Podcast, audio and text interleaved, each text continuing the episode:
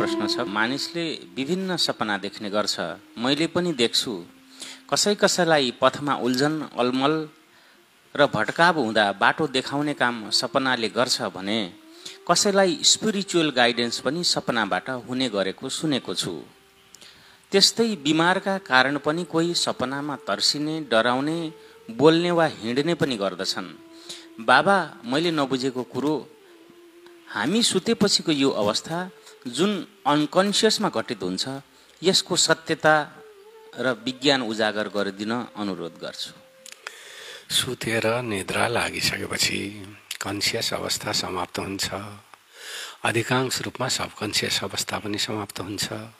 Unconscious स्थितिमा पुगिन्छ यानि चेतना शून्य अवस्थामा पुगिन्छ कुनै चेतना रहेको हुँदैन।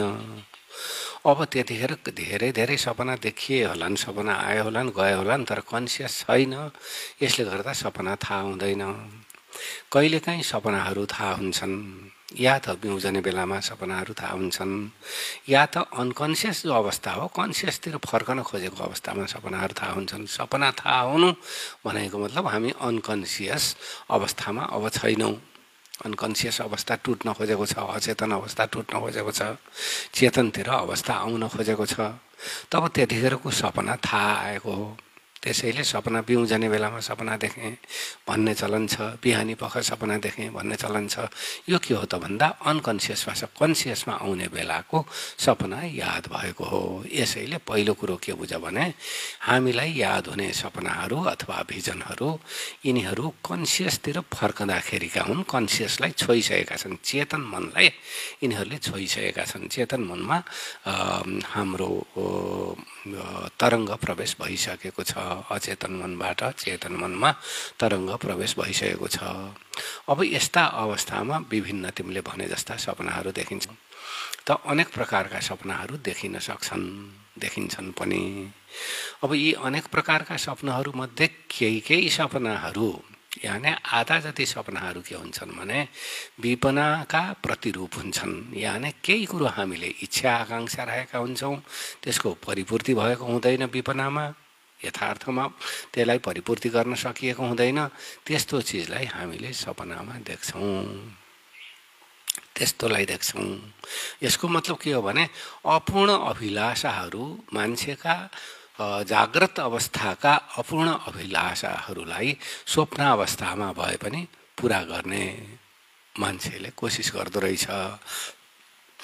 यानि सपनामा पुरा भएको तरिकाले देख्दो रहेछ। एउटा कुरा त्यो छ। दोस्रो कुरो के छ त भन्दा केही सपनाहरूले हामीलाई केही केही विषयमा सावधान गराउँछन्। केही पूर्व सूचनाहरू दिन्छन्। त्यस्ता सपनाहरू पनि देख्ने सम्भावना हुन्छ किनकि अचेतन बडा डह्रो छ। त्यो अचेतनबाट पुट्ट देख्न थालिएको सपना चेतनले स्मरण गरेको हो। यसले गर्दा त्यस्ता बेलामा सपनाबाट गाइडलाइन मिल्न सक्छ कि काम गर यो काम नगर। यस्ता गाइडलाइन मिल्न सक्छ त्यो सपनालाई विचार गर्नुपर्ने हुन्छ। यो दुई प्रकारले सपनाहरू छन्। र त्यसमा शुभ सपनाहरू छन् अशुभ सपनाहरू पनि छन्। शुभ सपनाले कता लाँदैछ के हो त्यो पनि बुझ्नुपर्ने हुन्छ। अशुभ सपना के हो कता लाँदैछ त्यो पनि बुझ्नुपर्ने हुन्छ। त्यसलाई राम्ररी बुझियो भने बल्ल त्यसको अर्थ आउन सक्छ।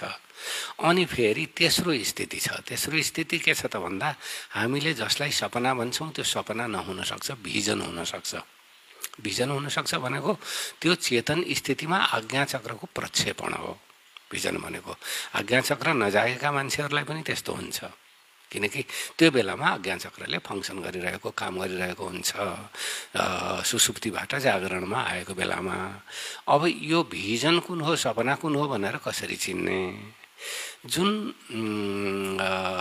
स्मृतिहरू तरङ्गहरू दृश्यहरू यिनीहरू काला ब्ल्याक एन्ड व्हाइट भन्छ कालो सेतो। फिल्मको कालो सेतो पर्दाको जस्तो ब्ल्याक एन्ड व्हाइट जसमा रङहरू छैनन्। त्यस्तो प्रकारको तरिकाले देखिएको छ भने त्यो स्वप्न हो। अब देखिएको दृश्यमा रङहरू छन् जस्तो कपडा लगाएको छ त सेतो कपडा पहेँलो कपडा रातो कपडा देखिन्छ रङ्गी बिरङ्गी ठाउँ छ भने फुल फुलेको ठाउँ छ भने फुल फुलेको ठाउँ देखिन्छ नदी देखिन्छ आकाश देखिन्छ यो रङहरू देखि रङ्गिन देखिन्छ। जस्तो प्रकारको रङ्गीन हो त्यो रङ्गीन यथार्थमा देखिन्छ भने त्यसलाई सपना अलि मानिँदैन। त्यसलाई भिजन मानिन्छ त्यतिखेर आज्ञाचक्रको केही सक्रियता आएको हो भन्ने किसिमको अर्थ हुन्छ। र त्यो आज्ञाचक्रको सक्रियता आएको बेलाको स्वप्न स्वप्न नभएर भिजन हो। यो भिजनका पनि दुइटै अर्थ हुन्छन्। यसले हामीलाई कतै न कतै केही कुराको इङ्गित गरेको हुन्छ। कि यस्तो कुरा हुनसक्छ भए यस्तो भएको हुनसक्छ। भन्ने कतै सङ्केत गरेको हुनसक्छ। र त्यो सङ्केतलाई बुझ्न फेरि धेरै गाह्रो छ। सपनाको सङ्केतलाई बुझ्न गाह्रो छ। धेरैले सपना देख्छन्। त्यसैले धेरै सपनाहरू बिहान एकैछिन सम्झे पनि पछि फेरि स्मृतिबाट गायब हुन्छ। स्मृतिमा रहिरह्यो भनेदेखि आफै बुझ्न सक्ने सम्भावना कम्ती छ। त्यसलाई गहिरो चिन्तन मनन गरेर अथवा सपना बुझ्ने मान्छे पनि बहुत कम्ती छन्। र सपना बुझ्ने मान्छे मार्फत त्यो स्वप्नको विचार गर्न सकिन्छ। स्वप्न विज्ञान एउटा अलग्गै विज्ञान पाइन्छ। यसको पढाइ पनि हुनसक्छ यसका पुस्तकहरू पनि पाइन्छन्। अब यदि सपनाको फलको विषयमा इच्छा राख्ने व्यक्तिहरूले त्यसमा बोल्न खोज्ने व्यक्तिहरूले केही चिज पढ्नुपर्छ। त्यसै अधुरो रूपमा केही काम गरेर हुँदैन। ज्योतिष पनि अधुरो रूपमा गरेर हुँदैन।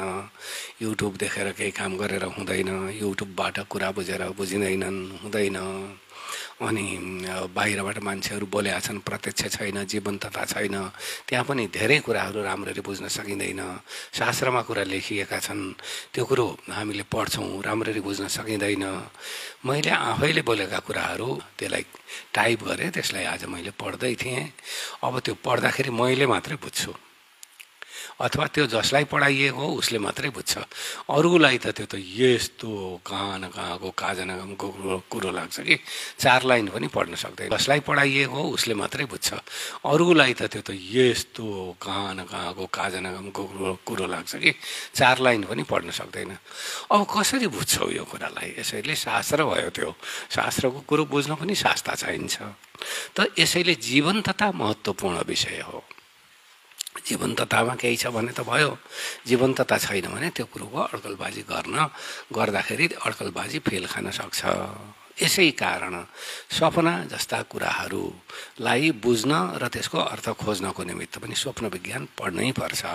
त्यसै जहाँ पाइ त्यहाँबाट अर्थ लगाएर हुँदैन। तर कहिलेकाहीँ के भने ल यो दिशामा बढ यो दिशामा नबढ भन्ने प्रकारको केही सपनाले इङ्गित गर्छ भने त्यसलाई हामी ख्याल गर्न सक्छौँ चिन्तन गर्न सक्छौँ। र सपनालाई धेरै त हाम्रा इच्छाहरू अपूर्त अपूर्त इच्छाहरू जुन इच्छाहरू पूर्ति भएका छैनन् जुन इच्छाहरू हामीले गरेका छौँ जुन बासनाहरू हामी राखेका छन् तिनी चिजहरू परिपूर्ति भइसकेका छैनन् तिनलाई सपनामा परिपूर्ति भएको देखिन्छ एउटा त अपूर्ति भएका अभाव भएका पूर्ण पुरा हुन नसकेका इच्छाहरू सपनामा पुरा भएको देखिन्छ जस्तो धेरै दिनदेखि असाध्य राम्रो खाना बाह्र व्यञ्जन मिष्टान्न।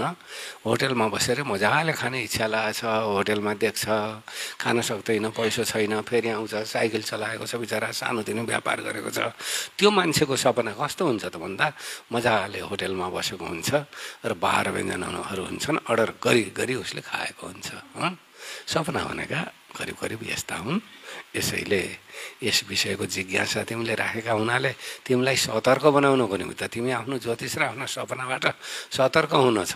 त्यो सतर्क हुनको निमित्त यो बताएको हुँ। यतातिर रुचि लिनको निमित्त मैले कुरो बताएको होइन।